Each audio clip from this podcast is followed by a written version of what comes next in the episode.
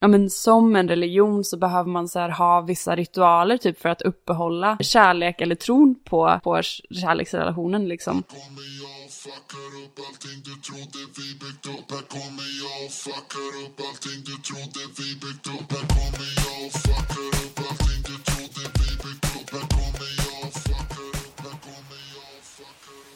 Hej och välkomna till podcasten Om och Men, där vi reder ut det ni tycker är krångligt och krånglar till det ni trodde redan var utrett. Med mig, Vincent Flink Gamlenäs. Och med mig Beatrice Erkers. Jippi! Du, uh, var en som sist Bea? Ehm, jag har försökt överleva. det, är, Det låter klokt. eh, ja, det är ju det är inte den roligaste tiden på året ändå. Det, Sant. det kan man, jag, jag, jag viker mig för din, ditt årstidshat lite, alltså just den här perioden. Tackar, Ox- tackar. Oxveckorna, eller vad det är man brukar säga. Är det här oxveckor? Ja, där efter nyår, liksom fram till typ mars eller någonting. Det är börjar de som vår. föds nu oxar, eller? Nej, nej, bara att det, det är tungt som en oxe typ. Eller, Aha. eller jag vet inte, att man måste... Ah, Okej, jag förstår. Lass att man drar är lika tungt som det lass oxar drar kanske. ja, eller det är så jag har tolkat det. Jag har aldrig hört det. Ehm, Men eh, jag håller med om att det är oxveckor. ja, eh, ja, nu så googlar jag här. Uh, oxveckorna avser den längre period utan längre sammanhållen ledighet som följer på jul och trettonhelgen. Mm. Ehm, det finns ingen exakt definition för hur många veckor som oxveckorna omfattar. Men eh, det är väl antagligen fram till typ, jag vet inte. När, när, när är, det, är det typ pingst eller någonting? När man, Eh, vet Påsk- inte vad det är, påsk men eh, kanske, ja. Då får man ledigt igen. Det är det som kommer däremellan. Ja. Påska. Precis. Ja, okej. Så att du har försökt överleva. Hur har Ja. det gått då? Helt okej ändå, synbarligen. Ja, jag lever ju. Eh, Mm. Men jag frodas inte, skulle jag säga. Attans. Ja. Vad, vad har du gjort sen senast? Ja, alltså jag fyller ju år under de här oxveckorna. Ehm, kanske säger lite om mig. Nej, men jag har, jag har fyllt eh, 30. Du, har överlevt till 30 ändå. Ja, exakt. Mm. En ålderman här som sitter Mm. mitt emot dig. Mm. Nej, men eh, så, ja, jag har firat det. Lona och jag och min, eh, min flickvän, vi, eh, vi åkte till Amsterdam över min 30-årsdag. Mm. Och åt på en fin restaurang och ja, nej, men det var, det var trevligt. Det var, det var lyckat ändå faktiskt. Var det nice? Du har ju berättat om den här restaurangen, att man typ åker ut på en ö och Ja. grejer.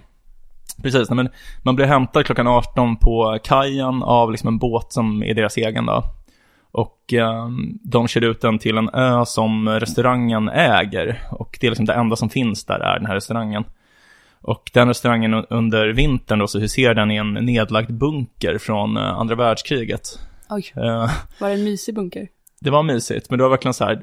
Det var, man hade liksom ingen telefonsignal eller något. Mm. Så det var väldigt off. Eh, och det var så här fullt av får på den här ön. Aha. Så på vägen dit så varnade de så här, ja de här fåren kan vara ganska aggressiva, så typ eh, titta inte för länge på dem. Då kan de bli liksom provocerade och stånger, alltså det bockar. Eh, men de gav de här varningarna på holländska, så då när jag förstod typ ingenting. Alltså det hände inget, men, men, men ändå. Ja. men så äter man där, det var typ så här åtta rätters liksom. Det, det, det var verkligen kul. Mm. Det låter askul. Har du fått någon ålderskris då? Ehm, jag, jag känner att jag, jag betade av min, eh, alla mina ålderskriser när jag fyllde 18. Mm. Ehm, jag hade liksom, uh, alltså, mer så här vuxenkris. Alltså när jag slutade vara ett barn. Mm. Så jag tror typ att jag inte riktigt kommer bli nojig igen efter det. Okej. Ehm, Du tror det? Alltså inte ens typ när du fyller 40 och 50 och sådär? um, alltså det återstår väl att se antar jag, men jag vet inte, har du, har du fått ålderskriser än? Jag hade nog min största när jag fyllde 25. Okej, intressant. Ja. Det var någonting med så här, men dels att man närmar sig 30 Mm. och att ehm, det vet, var något så här, att jag, det här att man inte har kommit dit man trodde att man skulle komma när man var Mm. 25 typ. Jag vet inte vad jag hade för konkret eh, plan, men jag trodde nog att jag skulle ha lite bättre koll än vad jag hade. Mm. Eh, och nu så känns det som att det har gått så sjukt fort sen 25, för nu är det ju, nu är det 30 nästa för mig också. Mm. Men, men det känns okej. Ja, vad bra. Jag fick ju ett brev från mig själv när jag var 19. Jag vet inte om jag berättat det. Nej. Eller, nej, vänta, jag måste ha varit yngre. Eh, jag var 18. Eh, och jag skrev ett brev, jag var på Peace and Love, så skrev jag ett brev eh, till mig själv. Som liksom kom till mig tio år senare, så det här är typ, ja men knappt två år sedan. Mm. Ehm, Och eh, ja, men där stod det typ så här att eh, ja, nej, men jag hoppas att du är musiker. Det var så här, det var typ, jag var så himla inne i det då. Typ. Ah. Så jag, jag, jag tänkte att det var det jag skulle jobba med och liksom, det var det enda som jag tyckte var häftigt på den tiden. Vad ra- Ja. random. Eller för mig, för jag, jag har aldrig hört dig prata om att du har hållit på med musik. Nej, men alltså jag har inte gjort det de senaste sex, sju åren. Vad gjorde du då? Um, ja, skrev låtar och spelade, spelade gitarr. Ja, Ja, fint. ja det vet jag inte. Du har gjort eh, dig själv besviken då? Eller du har svikit ditt 18-åriga jag? Alltså det, ja, men det känns samtidigt, eh, jag är ganska nöjd med vad jag är i mitt liv Ja. eh, nu. Men jag tror kanske inte mitt 18-åriga jag hade varit det ändå. Nej. Men man kan inte lita på en 18-åring. De är ju ganska dummande, de där 18-åringarna. Ja, och ganska dumma också. Ja, de tror att livet är lätt och grejer, Ja, tänker jag. Eh, verkligen. Och de liksom eftertraktar saker som inte är värda att eftertrakta. Men lite det vi pratade om också, att de så här tror att, eh, det du pratade om när du såg på Mästerkocken typ när du var yngre, att du Mm. tänkte att, ja men det där kan jag också. Jag skulle vinna. Ja. Typ. Ja, verkligen. Ehm, ja, nej men man blir lite humbled på något sätt av att bli eh, äldre. Så är det. Mm. Ehm, ja, men det om det. Mm. Ska vi glida in Dagens- sömlöst på dagens ämne? Helt som, som löst, ja. Ja. Eh, dagens ämne är då, vi ska försöka lista ut varför inte Leonardo DiCaprio blir kär. Varför har han ingen, varför kilar han inte stadigt med någon? Vad är grejen Leo? Ja, Nöj dig. ja, Ja. Precis, men vi har läst um, ännu ett seriealbum av Liv Strömquist. Um, vi läste ju tidigare hennes bok om astrologi eh, för några avsnitt sedan. Eh, och nu har vi då läst ett nytt album eh, som heter Den rödaste rosen slår ut från 2019 och handlar om kärlek. Eh, det här var Bs förslag, kan jag säga. ja. Jag är också nöjd med det, men det känns som att du fick lite dille på Liv Strömquists böcker när du började läsa dem. Det var ju faktiskt jättekul. Efter att, jag hade ju inte läst någonting av Liv Strömquist eller haft något med henne att göra, eller vad man ska säga, innan du föreslog. Du pushade för att vi skulle läsa astrologiboken. Japp. Och jag tyckte den var så rolig att läsa att jag har läst nog alla hennes böcker Mm. nu, eh, sen, sen den. Ehm, så nu så blir det några avsnitt om eh, lite Liv Strömquists böcker. Alltså det jag tycker är kul är, och det tycker jag är bättre än astrologiboken. Um, astrologiboken var bara rolig liksom. Mm. Men de andra böckerna nu är ju, det är så här massa roliga teorier och sånt. Det är många så här sociologers teorier som jag inte eh, tror på för fem öre Mm. eh, som läggs fram. Ehm, för att det känns mer som att det är någon som har suttit på kammaren och haft kul typ, Ja. och försökt tänka ut förklaringen till olika saker. Riffa loss bara. liksom. Ja, men verkligen så här, inte alls verklighetscheckat sig. Typ. Nej, nej. Eh, Eller bett om kritik. Alla hans typ. vänner är andra sociologer. Ja, precis. Bara, eh, Ja. Men, eh, men det har varit jättekul och att så här, jag har typ fått, eh, alltså lite det här tuntiga som man brukar säga om varför man ska läsa serieböcker, att jag har fått tillbaka någon sorts så här, läslust typ Ja. av att eh, läsa dem, för de känns så prestigelösa att läsa typ. Ehm, att nu kan jag ändå, nu, nu har jag börjat läsa vanliga böcker också. Mm. Nice. Ja, men jag, jag gillar dem också jättemycket. Mm. Ehm, toppen, eh, toppen serietecknare, Liv Strömquist, kan tipsa om henne. Och Mm. som sagt, då kommer vi göra flera avsnitt om hennes uh, serieböcker här framöver. Mm. Men ehm, varför blir han inte kär då, DiCaprio? Det finns ju så här, ja hon presenterar ju massa olika teorier. Mm. Eh, det är väldigt kul att så här f- framställa för, för det, det är ju en sån, det känns som en grej som har följt med mig genom min barndom på något sätt, eller min Mm. uppväxt. Typ, eh, ja nu dejtar Leo en ny Victoria's Secret-modell. Typ. Eh, och att hon så här, hon bara radar upp liksom alla supermodeller som är så här 22 typ, som Mm. Leo har dejtat. Och liksom han blir äldre, men the models stay the same. Typ. Mm. Men då, den första teorin hon framställer är väl, och jag kommer inte ihåg vem som har sagt, är den här Ilo eller någonting? Eh, det är någon sociolog. Ehm, men att det är, ha, han blir inte kär för att i vår eh, senkapitalistiska tid Mm. som vi lever i nu. term. Vad menar de? Som att den håller på att gå under? Ja, jag vet inte. Ehm, så kan man inte se någon annans annanhet. Mm. Typ. Ehm, och då menar man typ att så här, ja, men för att bli kär så måste man tro att liksom, den här människan är någonting alldeles speciellt. Typ. Det finns ingen annan som den här människan. Mm. Ehm, men nu, eh, den här sociologiska teori att vi är så narcissistiska typ i vår Mm. samtid. Och vi bara går och funderar på hur uppfattas jag, hur ser jag ut typ. Mm. Ehm, men, men då, det förhindrar oss från att se någon annan människas, eh, att se andra människor och liksom eh, eh, tänka på dem som, eh, exklusivt speciella, eller vad man ska säga. Mm. Nej men, ehm, ja, men det ligger säkert något i det, att man är liksom för självupptagen för att förstå hur unika andra människor är. Ja, men det är ju så här, ehm, det känns ju som att ehm, det kan ju inte vara helt nytt för vår tid att folk är lite narcissistiska eller att man så här tänker Det låter själv. osannolikt Ja, ändå, ja. att det skulle ha uppfunnits. eh, Verkligen. Jag tror ju mer på det här som, jag tror hon tar upp det men i en annan eh, av teorierna att liksom så här, ehm, det, handlar ju också om så här utbud typ. Mm. Att nu så ehm, har vi ett större utbud, tänker jag också. Och, och då är det ju svårare att se att en människa är, det känns, en människa kan kännas mindre unik om du har sett liksom tre liknande människor på Tinder mm, samma dag, typ. Jo, precis. Alltså jag tänker att det är... Eh, alltså det, det, det är lite för, för det, alltså den här första hon har liksom fem förklaringar tror jag i den första serien. Mm. Eh, och den första är ju då att man inte ser, eh, hon kallar det för den andres död. Typ. Mm. Eh, och som exempel så tar hon det här passagen i gästebudet, eller hur? Platon.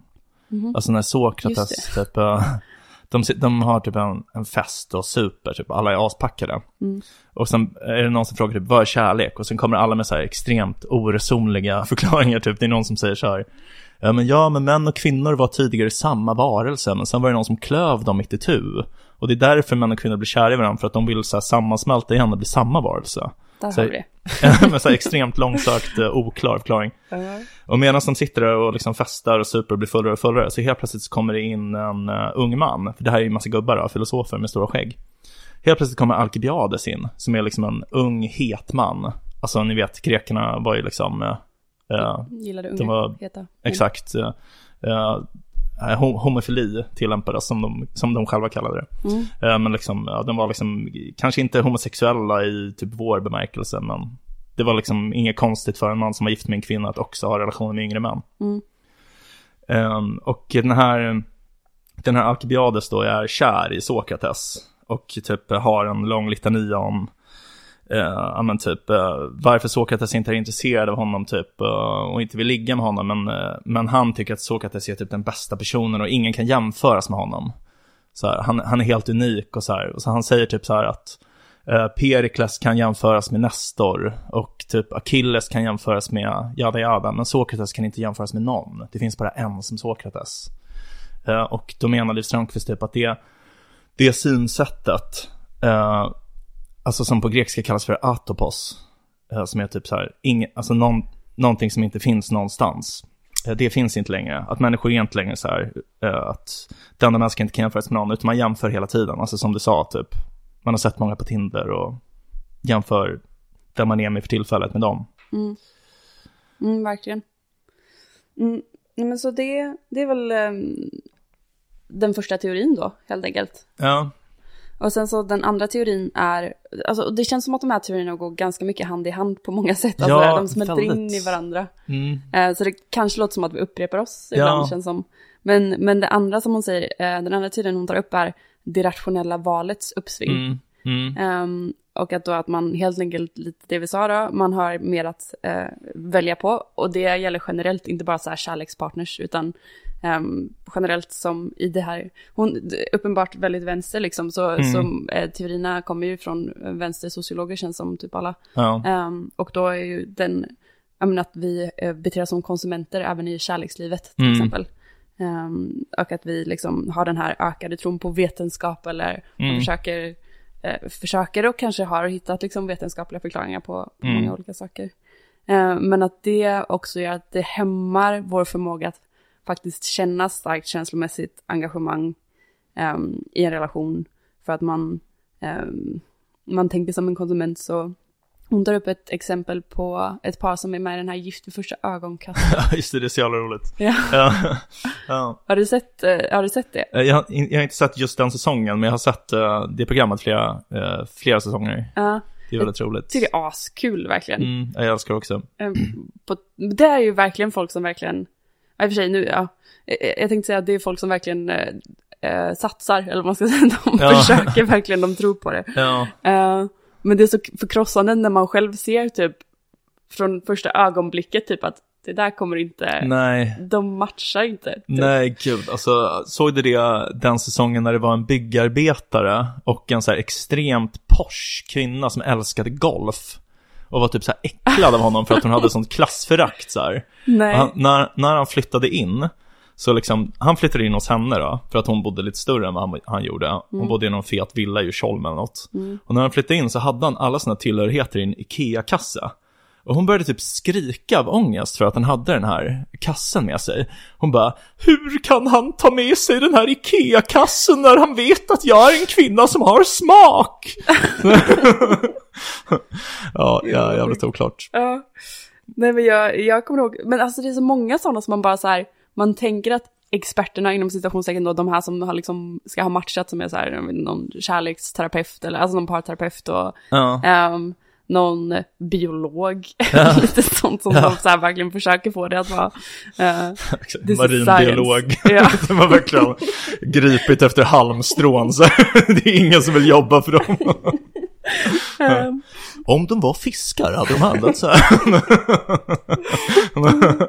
Men att det är så här, ja, för jag kommer ihåg, jag tror det var förra säsongen att det var så här, då var det någon, alltså du vet någon så här cool, eller alltså någon innerstads Stockholmsbrud som var så här, eh, det är också så här när man känner, när det känns som att folk lurar sig själva typ, för hon var så här, ja jag vill ha en man som är väldigt så här feministisk och, Ja, ja, gud, det är en Märta. precis, Ja, gud, precis. alltså fan vad hjärtskärande det var att se det Ja, och så bara såg man, så fick hon så här världens snällaste, Ja. super eh, troende Ja. kille, typ. Lockigt rött hår och så Ja. lite lönnfet, Ja. vänlig. Och så, och så bara så här så man, men hon är ju inte attraherad av honom, hon Nej. vill ju ha någon lite mer macho. Ja, alltså hon föraktade verkligen honom. Det var så jobbigt att se. Hon hade, alltså när de, de skulle ju dela säng då, eftersom de var gifta. Det är ju inte helt orimligt tycker jag, när man är gift ändå. Mm. Men då hade hon, hon, hon, hon tyckte så illa om honom så att hon byggde liksom en mur av kuddar mellan.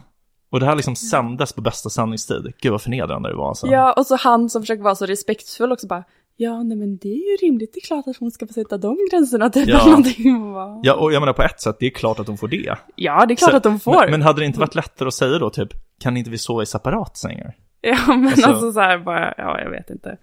Men ja, nej men det är ganska, det är ändå några sådana ögonblick från säsongerna när man bara, mm, det där kommer inte funka. Och det här, det är ett exempel då som hon tar upp var ju den här säsongen när det var någon, eh, någon gubbe, typ Mats eller Mm. någonting, eh, som hade blivit ihopmatchad eh, med en kvinna. Och de hade tydligen så matchat ganska bra, men hon hade en sån grej som var ett så här, vad säger man, en, en dealbreaker för Ja. honom. Eh, och det var att hon rökte. Ja, just det. Ja. Och då var det så här, Mats bara, men jag förstår inte att de har matchat ihop mig med en kvinna som röker. Nej. Typ att så här, allt annat klaffar, men hon röker. Ehm, och det är lite sånt, just där, ehm, att man tänker som en konsument eh, då, att man så här, nej men det här, Mm. det Jag har här- fått en defekt produkt. Ja men precis.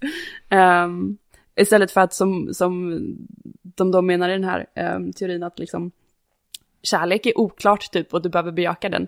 Det, Mm. det, var, det var väldigt kul, ett citat från eh, hon Salome som vi har nämnt förut, eh, som var Nietzsches fling. precis kvinnan som krossade Nietzsche, det är ändå så här eh, mäktigt. Ja, typ. verkligen.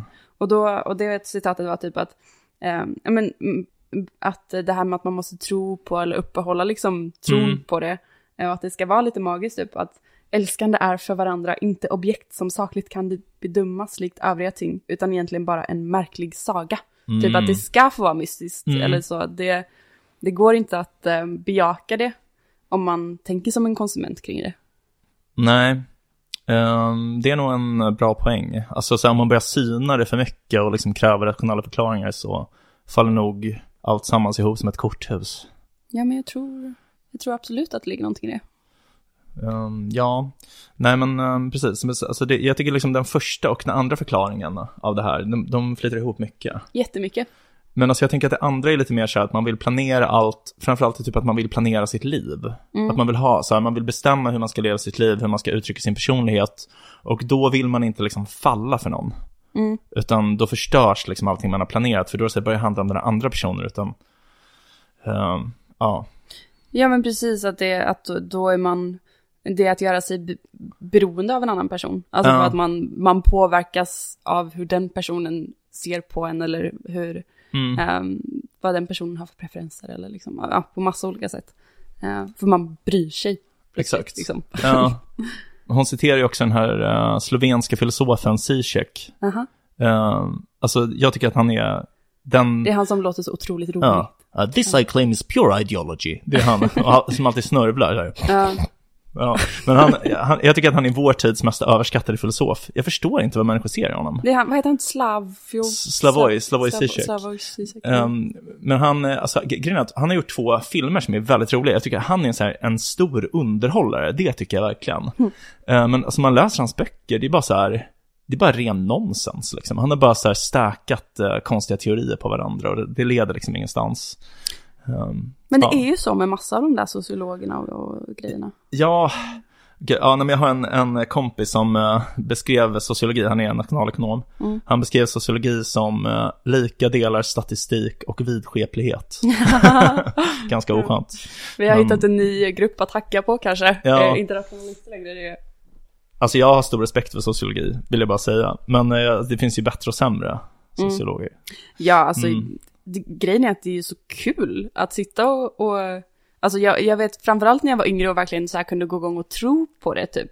Mm. Nu känner jag att jag har tappat lite, lite på tal om det här med att man ska tro på kärleken eller någonting. Mm. Jag har tappat lite tron på, Sociologin. eh, ja, på sociologins magi och makt liksom. Jag tror inte, jag tror inte en, man kan eh, ro ihop en teori som förklarar saker på det sättet. Nej, som inte, förstå, inte förklarar hela samhället liksom.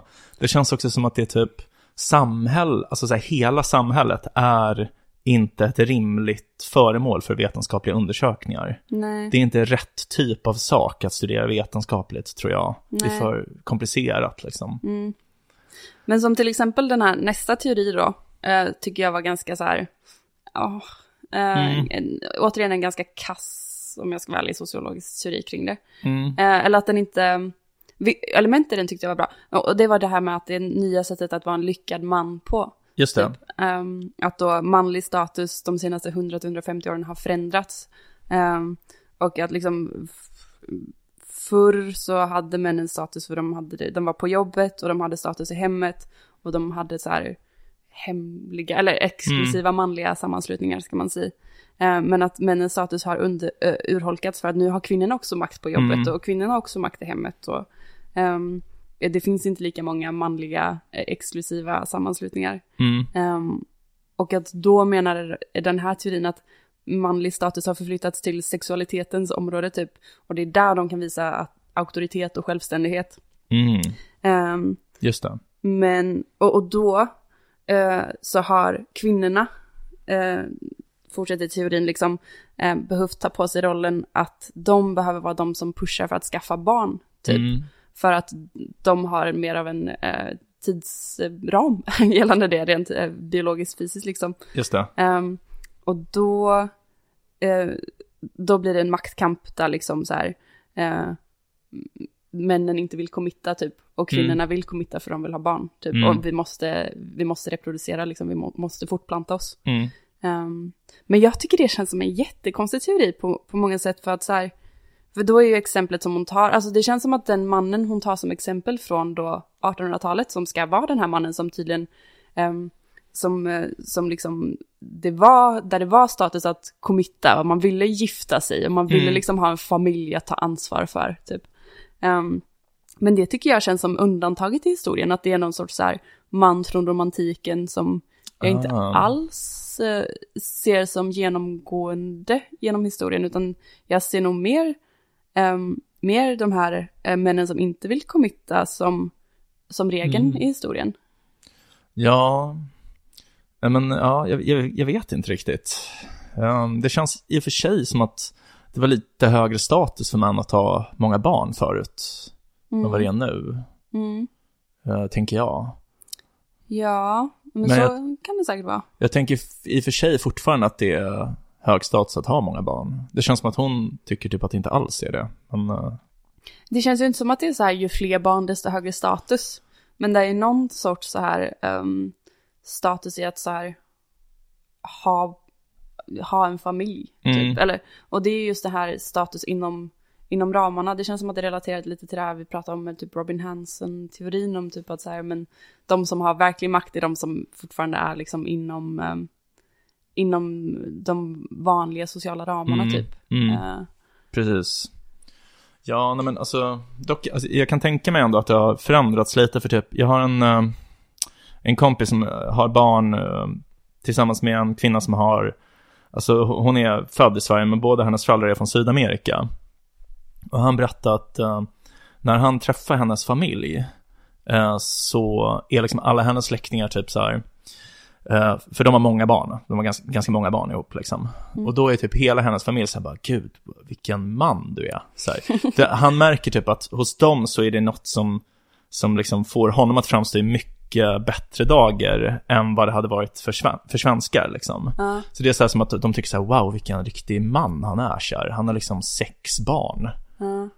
Vad otroligt liksom. För så, så tänker man inte ändå riktigt Sverige. Nej, det måste ju också vara lite, eh, det tänker jag lite vårt, eh, vårt samhälle, just det här med hur oberoende man är av varandra i vår eh, samhällsstruktur i jämförelse med liksom Mm. de, de samhällena.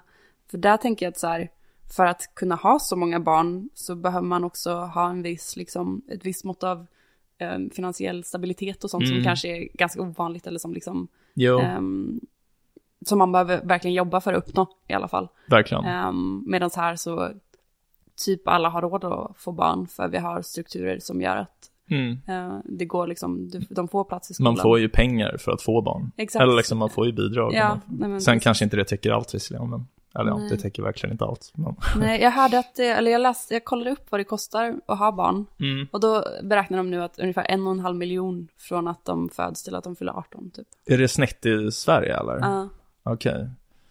Ja, nej, men rimligt. Per barn då eller? ja, Det lär ju bli billigare ju fler man får. Mängd Nej. rabatt liksom. tänker jag också. Om man har liksom sex barn så kan ju de dela på mycket tänker jag. Ja, precis. Ja, okej. Nej men eh, ja, alltså det har väl liksom förändrats lite men eh, kanske inte så mycket som hon vill göra gällande, jag vet inte. Mm.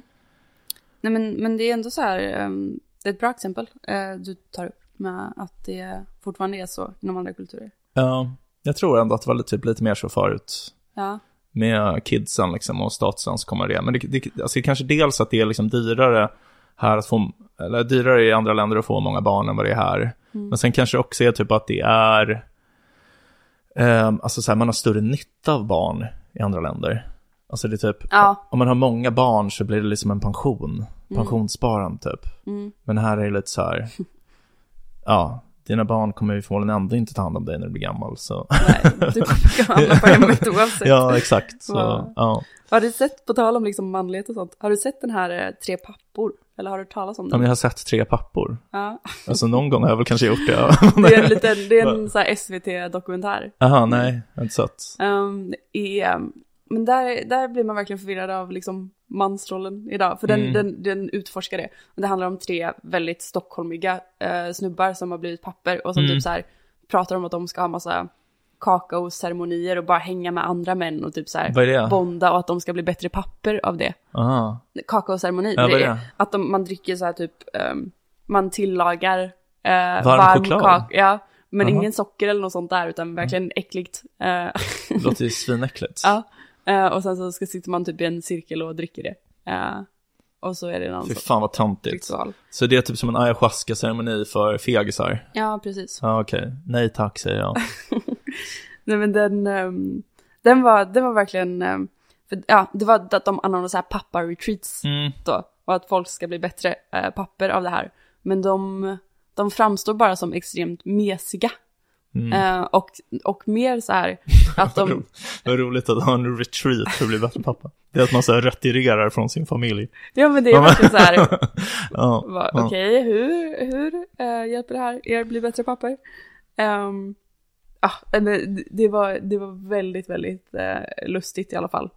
Ehm, och att de så här mystifierar pappagrejen så extremt mycket. Mm. Och att det känns snarare som att, eh, men på tal om det att du, du sa att det kändes som att det var så himla hög status eh, Mm. att ha många barn i, i Sydamerika då till exempel.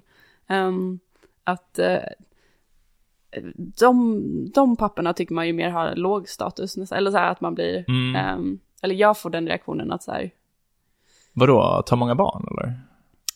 Nej, Men att de är så fåniga.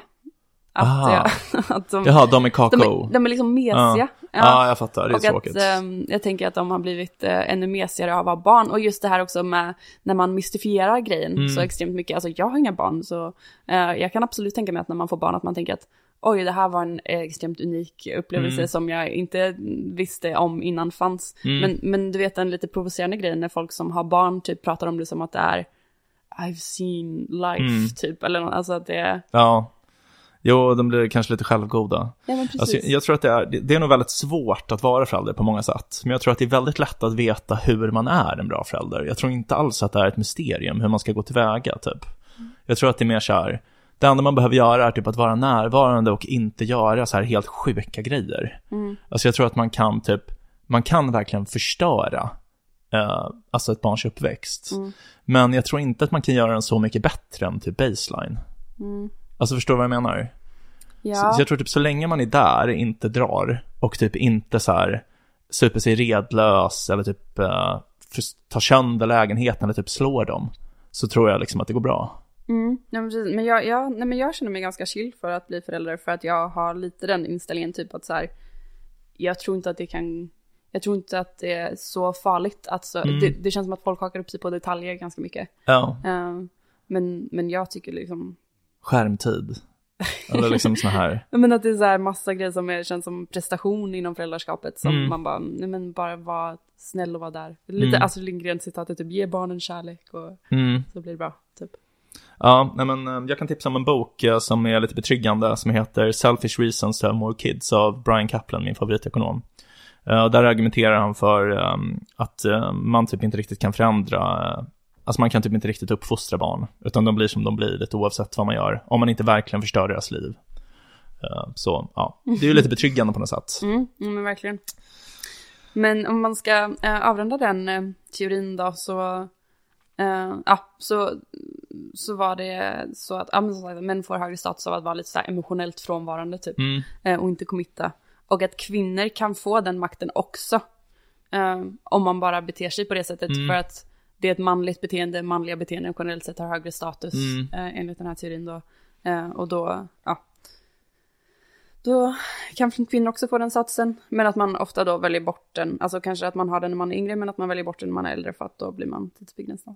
Ja, ja precis. det där tyckte jag också var så lite oklart, för att hon sa typ så här att Ja, men en av anledningarna då till att uh, Leonardo DiCaprio inte blir kär, eller typ att ingen blir kär på det sätt som man blev förut längre, det är att det finns en ny mansroll där män får status av att behålla distans till kvinnor. Och då tänker man sen när man läser det bara, men vänta, kvinnor har ju också distans till män. Alltså det är ju liksom en del av dejtingspelet, att man ska liksom låtsas att man inte bryr sig för att den andra ska vilja liksom jaga en och så här. Så då tänker man, det här är inte specifikt för män, för kvinnor är också så. Men då skriver de typ så här, ja men kvinnor bara härmar män. Man bara, men vänta, hur ska vi kunna falsifiera den här teorin? Alltså, det är som att säga, oavsett vad vi observerar så är teorin sann. Ja, och oavsett eh, så är det männens fel. Ja, jo, jag tyckte det var väldigt konstigt. ja, nej, det var lite kul. Ehm, Men uh, okej, Eh, mm. det var trean då. Så fyran. Fyran var avförtrollningen av världen. Mm. Men den känns som att den smälter ihop ganska mycket med liksom, eh, teori nummer två där. Mm. För då var det så här, ja, men att den andliga synen på kärlek e- ersätts med någon sorts så här biologisk materialism. Mm. Och då tar hon det här exemplet med den här galna kvinnan Doolittle. Just det. Eh, hon som trodde på de grekiska gudarna. Ja, Eh, exakt, det var en eh, poet Ja. på typ 60-talet, tror typ jag. Hilda Doolittle eller någonting. Ja, något sånt. Um, Doolittle, som blev kär i någon journalist som hette Durand. Ja, men- Eh, ja, Ja, blev- precis. Det var hon som, hon har skrivit den här, så boken heter ju Den rödaste rosen slår ut. mm. Eh, och det var väl av en Doolittle-dikt. ja, det är precis, det är en strof i en, eh, en dikt av henne. Ja. Eh, som handlar om hur hon, när hon är 70 år gammal, blir kär i en ung journalist som intervjuar henne. Mm. Um, och hon, um, alltså hon ska ha liksom ägnat sig mycket åt så här magiskt tänkande, att hon trodde att hon hamnade i andra dimensioner och så här, uh, att det var liksom gudarna som, som gjorde att hon blev kär typ och hon trodde typ på de grekiska gudarna så här, var jättefascinerad av det antika Grekland. Ja, det är väldigt kul. om- Det är någon eh, passage i boken där de berättar om att hon så här trodde att hon hade hamnat i en annan, ehm, en al ett alternativt universum plötsligt eller någonting. Alltså så här att hon så här hade, eh, hon hade varit på en båtresa och så hade hon, eh, det hade varit en snubbe med på den här resan Mm. som hon så här inte hade tänkt så mycket på. Han var, han hade glasögon och såg inte så mycket ut för världen typ. Alldaglig. Exakt. Ja. Och så en kväll så hade hon eh, eh, mött honom på däck. Mm. Och han hade inte haft glasögonen på sig. Nej, annan dimension. Ja. Bara, boom. Boom! Han hade varit assnygg plötsligt. Ja. Eh, och då tolkade hon det som att hon hade varit i en annan dimension. ja. Ehm, och eh, ja, lite oklart. Det är verkligen inte så här, skulle- det är verkligen inte Ockhams rakblad här liksom. Det är liksom, den närmsta förklaringen är bara att han tog av sig glasögonen, men, men hon bara direkt hoppade till eh, slutsatsen att hon befann sig i en annan dimension. Ja, nej men precis. Det var typ någonting med att så här, ehm, de hade sett delfiner när de hade stått på däck. Mm. Men när hon hade gått eh, ner eh, till middagen eller någonting Ja, så hade kaptenen sagt Ja. typ, nej men vi såg inga delfiner på vår, ehm, eh, vad heter det, sån här radiogrej. Ja. Eh, och hon bara, "Åh, jag var i en annan dimension. Det är också ett bra bevis. Hon såg delfiner men någon annan såg dem inte. Exakt. Eh, Mm, men ehm, det var kul också när jag var i Wien då för ett tag sedan så, eh, hon var ju en av Freuds patienter. Ja, just det. Så Mm. hon var en av dem som... eh, Den här poeten då, Doolittle. Ja, men precis. Mm. Eh, så... mm, ja, men så... så mm, och avförtrollningen hänger ihop med liksom vetenskapifieringen, eller vad man ska säga, av allting. Ehm, så...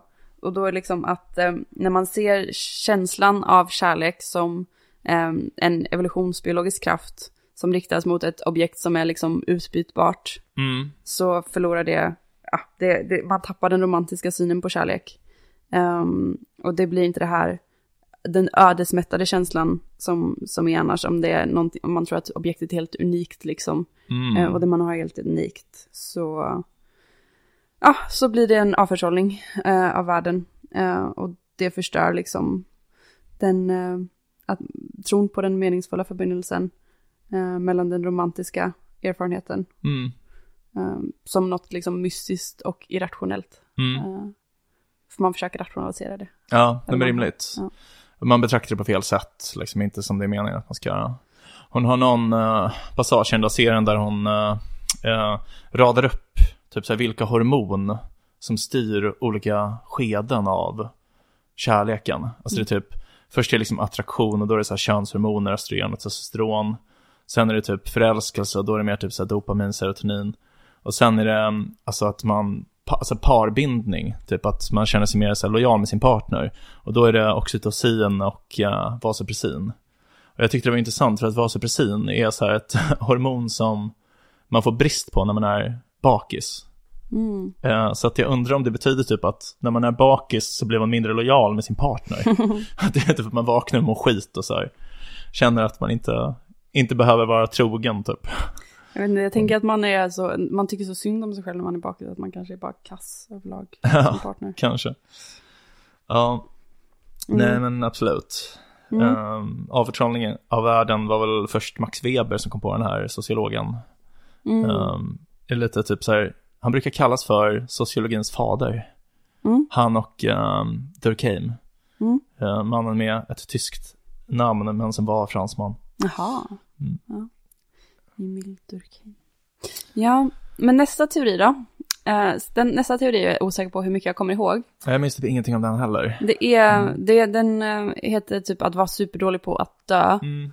Och exemplet hon tar upp i början är typ så här att eh, den här boken, Den lille prinsen, om du Mm. har läst den, den barnboken. Absolut. Eh, och den handlar ju typ om att en prins eh, hittar en ros typ, eller han bor väl typ på månen. Mm. och så, så här, hittar han en ros och så tar han jättemycket hand om den här rosen Mm. och älskar den jättemycket.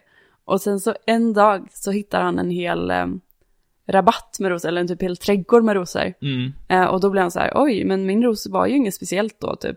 Ehm, men sen så, eh, när han har processat lite, så, Mm. så kom han fram till slutsatsen att, nej men det här är ju min, min ros. Just det. Eh, ja, det är ju den jag har älskat, det är den jag älskar liksom så här Mm. att eh, han vill fortsätta ta hand om, om sin ros. Ehm, men så, ja, då, då förstår jag inte helt exakt hur, hur allting hänger ihop, men Ehm, att uh, anledningen till att han älskar just den rosen är för att han har gett kärlek till just den rosen. Eh, och då har inte alla andra rosor samma värde för honom. Utan det här är en speciell ros. Mm. Ehm, och då, ehm, eh, någon, en anledning då är att vi har i vår, det här när vi, när vi är i den här trädgården där vi ser att vi har ett utbud hela tiden, Mm. så har, gör att vi har blivit sämre på att ge kärlek. Ja, just det. Och då blir det mindre kärlek. typ. Eh, Så Leonardo har inte lärt sig att ge kärlek för att han vet att det finns en ny Victoria's Secret. Ja. Typ, hela tiden. Eh, och att generellt, alltså så här när hon bygger vidare på i den här ehm, eh, teorin då, så liksom det här att man inte, att vi har blivit dåliga på att dö. Alltså det är lite oklart tycker jag fortfarande. Mm. Men att det är, att det hänger ihop med allt typ så här med skönhets... ehm, ingrepp och sånt också, typ, som hon tar upp Ja, ja. som vi har Mm. pratat om.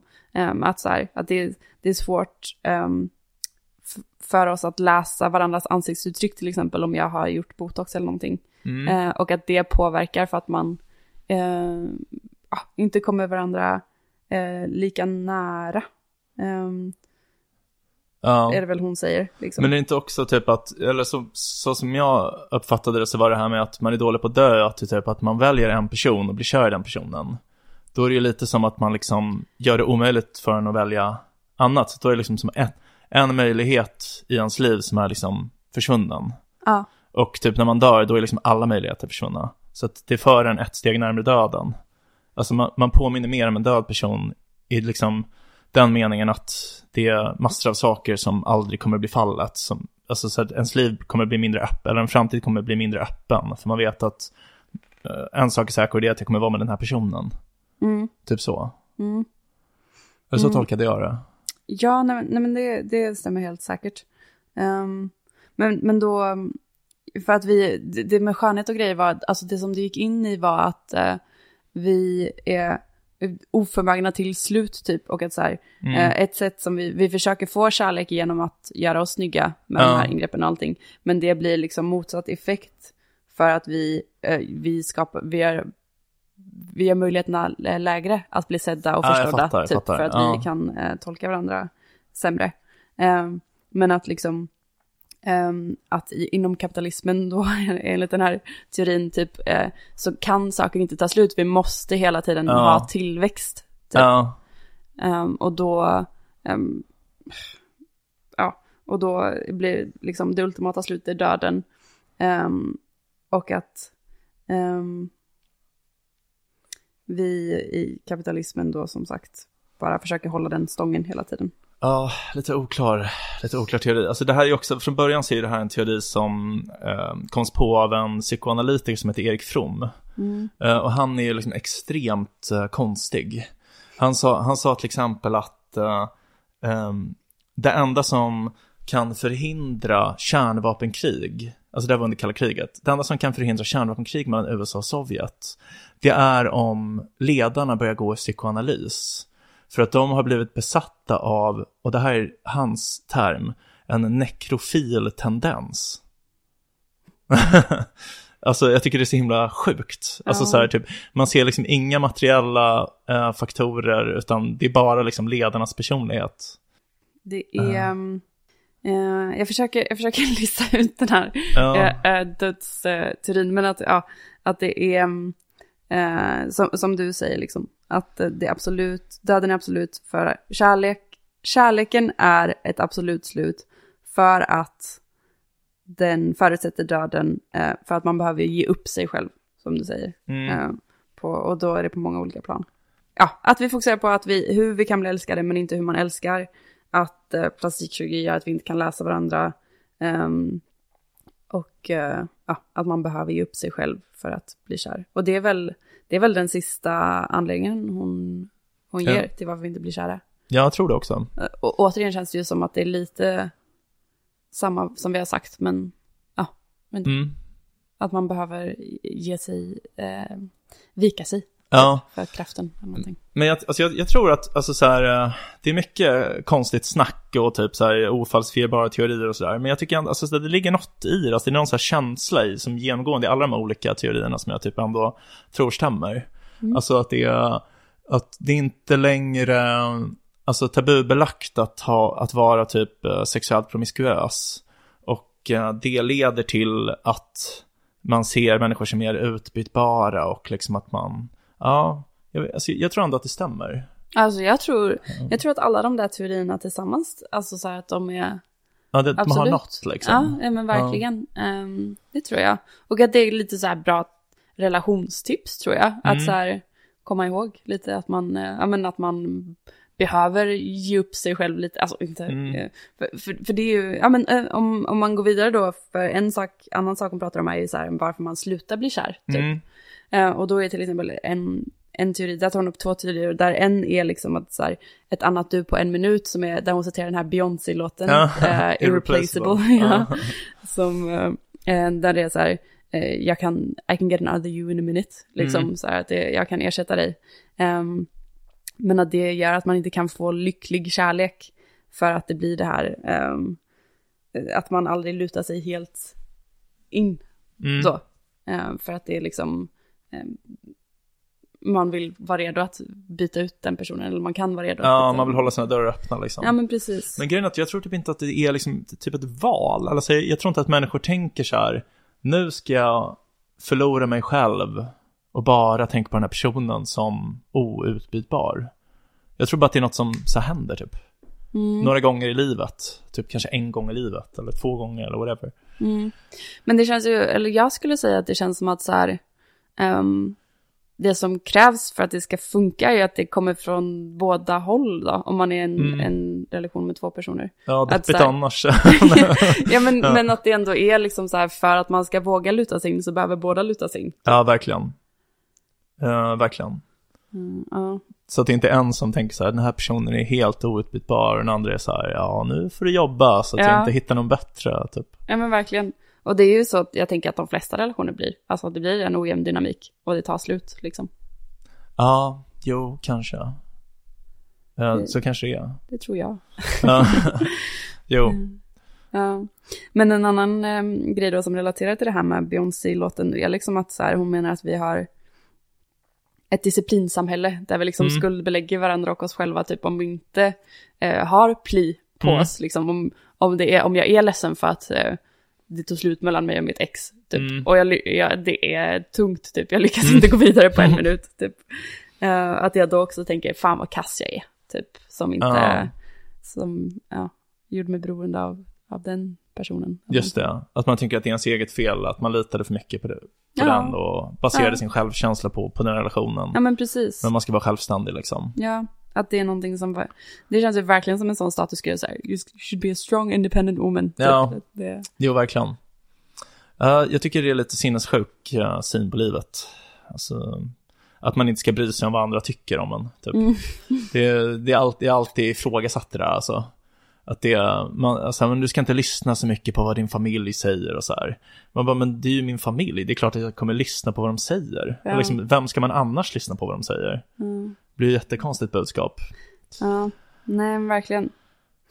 Men den sista då, sista eh, teorin hon presenterar om, eh, lite om varför kärleken dör. Mm. Eh, det, den smälter in väldigt mycket i, i det här vi har pratat om, att det behöver vara någon sorts magi, typ, Mm. eller sådär. För den, eh, där pratar hon om att kärlek är en minireligion. Ja, Typ. ja, just det. Och det tyckte jag faktiskt var jätte, jag så här, det tror jag med mig ganska mycket praktiskt ut i livet tänkte jag. Att så här, Mm. För det, det hon pratar om då är att så här, ja men som en religion så behöver man så här ha vissa ritualer typ för att uppehålla eh, Mm. kärlek eller tron på, Mm. eh, tron på kärleksrelationen liksom. Ja. Och, och det, det kan man liksom, som i en religion kanske man ber, man fastar, man mediterar, man firar. Mm. Eh, att man behöver sånt också inom relationen, alltså så här olika, åh nu firar vi den gången du friade till mig, eller åh nu, fria, äh, nu firar vi eh, datumet då vi blev tillsammans Ja. officiellt, Ja, typ, eller sådana grejer. Men först måste man förhandla om när det var. Ja, Det är så exakt. himla rolig grej tycker jag. Folk är aldrig överens om när de blir tillsammans liksom. Nej, men, ehm, ja, men eh, och, och det tyckte jag så här, ja men this makes sense. Typ. Absolut, ja. För att det, det som är annars det som händer då, varför man slutar bli kär, är att när det är så här, det är ju så i, i relationer, typ så här, ja men det är en, en liten spricka här för någonting du sa för Mm. eh, ett år sedan eller någonting. Mm. Och så så här, n- när man, ehm, att jag tänker att det är en del sådana grejer i en relation och så, så kanske så här, det, man tänker mer och mer på det och, eh, och det får ta större, plats. ja. Ja, men som, som liksom varför folk slutar vara religiösa, typ. Att Mm. inte, man märker att, nej men this didn't make sense, eller det där fick mig att må dåligt. Um, Mm. Ska jag verkligen ha den här religionen? Mm. Ja, nej men absolut. Man börjar liksom väga fördelarna mot nackdelarna. Ja, försöka analysera liksom fram ett svar. Ja. Nej men eh, absolut, det är, ett, eh, det är ett bra tips att liksom ha lite högtidliga hållanden av ditten och datten. Ja, men jag tänker att man i alla fall ska...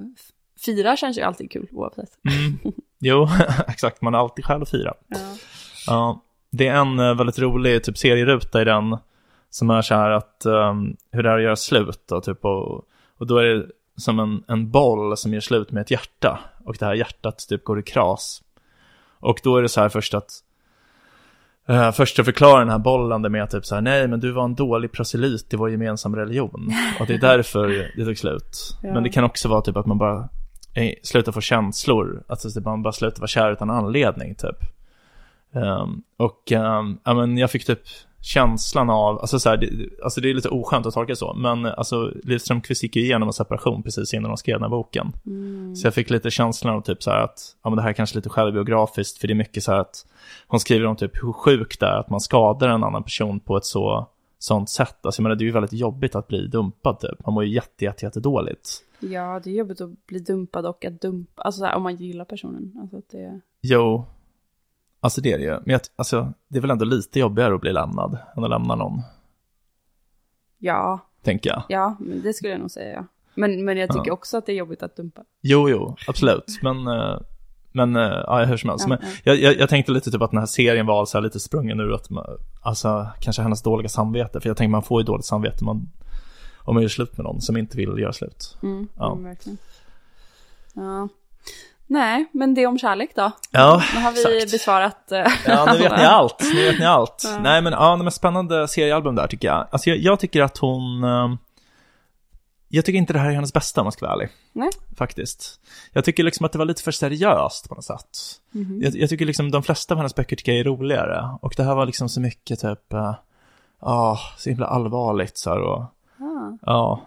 Men jag har nog min, min topp tre är, denna är med i topp tre, Mm. eh, astrologi och Mm. sen inne i spegelsalen också. Ja, jag gillar också den. Ja. Jag tycker om den som heter Kunskapens frukt. Den tyckte jag var, den är nog min minst favorit. Ja, ah, intressant. Men det kanske, för den handlar mycket om medicinhistoria. Det är kanske därför.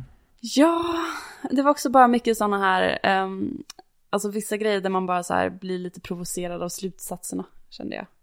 Jag minns inte slutsatsen. Alltså, och så är det ju med många grejer. Nej Mm. men att det bara är så här alltid, eh, bara en, någon, en ehm, eh, feministisk ehm, Mm. tolkning av allt som jag inte alltid tror på liksom. Eller Nej, okej. Ja, nej men eh, jag har inte Att- läst om den, så att den kanske suger egentligen. Jag vet inte. Nej, alltså Ja. suger skulle jag absolut inte säga, men att jag bara så här, mm, this feels old. Typ. Jag fattar. Ja, men ibland känns det ju som hennes... Hon, hon känns mer som den gamla skolans feminism Mm. Nya. Men det är lite så här också, det, när vi pratar om feminism, att det känns, det känns inte lika inne, typ. Nej, det är inte woke längre. Nej, Det är lite cringe ja men det är också så här, man har hört alla, Ja. spaningar. ja. Ja, Och, att, och att, att det bara är så här, vad man än säger så kommer svaret vara typ, ja men det är Mm. männens fel eller det är, jo. Ja. Absolut, men alltså, jag menar, det är väl lite pandering typ, alltså till hennes läsarkrets. Alltså jag menar hon, alltså jag menar hon är ju, alltså det är ju lite hennes jobb typ att driva med män. ja men precis, men det, det är den känslan när man är, eh, när det är inomgruppshumor, eller vad man ska säga, Ja. om man känner själv att man inte håller med om de, Mm. de sakerna som blir, alltså att när någonting blir ett skämt för att det anses vara självklart, Ja. typ, och så tycker man själv inte att det är självklart, Nej, och då är Nej. det inte roligt. nej absolut. Det är som att typ läsa så här, Aron Flam, Aron Flams grejer typ. Mm. Att det är så här hela den här alt-rightiga sfären typ, tycker att det är askul och typ äh, skämta om dumma sossetanter med batiktröjor typ. Ja, eller feminist. Ja, eller feminister, men så här, det är Ja. inte så himla kul egentligen liksom. Nej, man bara, Ja, nej men absolut. Ja, nej men uh, ris och ros till, uh, till uh, gamla liv. Mm. Ja, mest ros. mest ros. Mm. Radast ros, Mm. slår ut. Mm. Ja, nej men eh, jag vet inte, jag har inte så mycket mer att säga egentligen. Om kärlek. Inte jag heller. Ska vi kalla det ett avsnitt? Vi, vi gör det. Ja, härligt. Med de orden då så får vi tacka er kära lyssnare för att ni har hört på ännu ett eh, härligt avsnitt av podcasten Om och Men där vi reder ut det ni tycker är krångligt och kanske även passar på och krånglar till det ni trodde redan var utrett. Nästa vecka kommer vi prata om någonting Helt allting du trodde vi Yeah. byggt upp Här kommer jag och fuckar upp allting du trodde vi byggt upp Här kommer jag och fuckar upp allting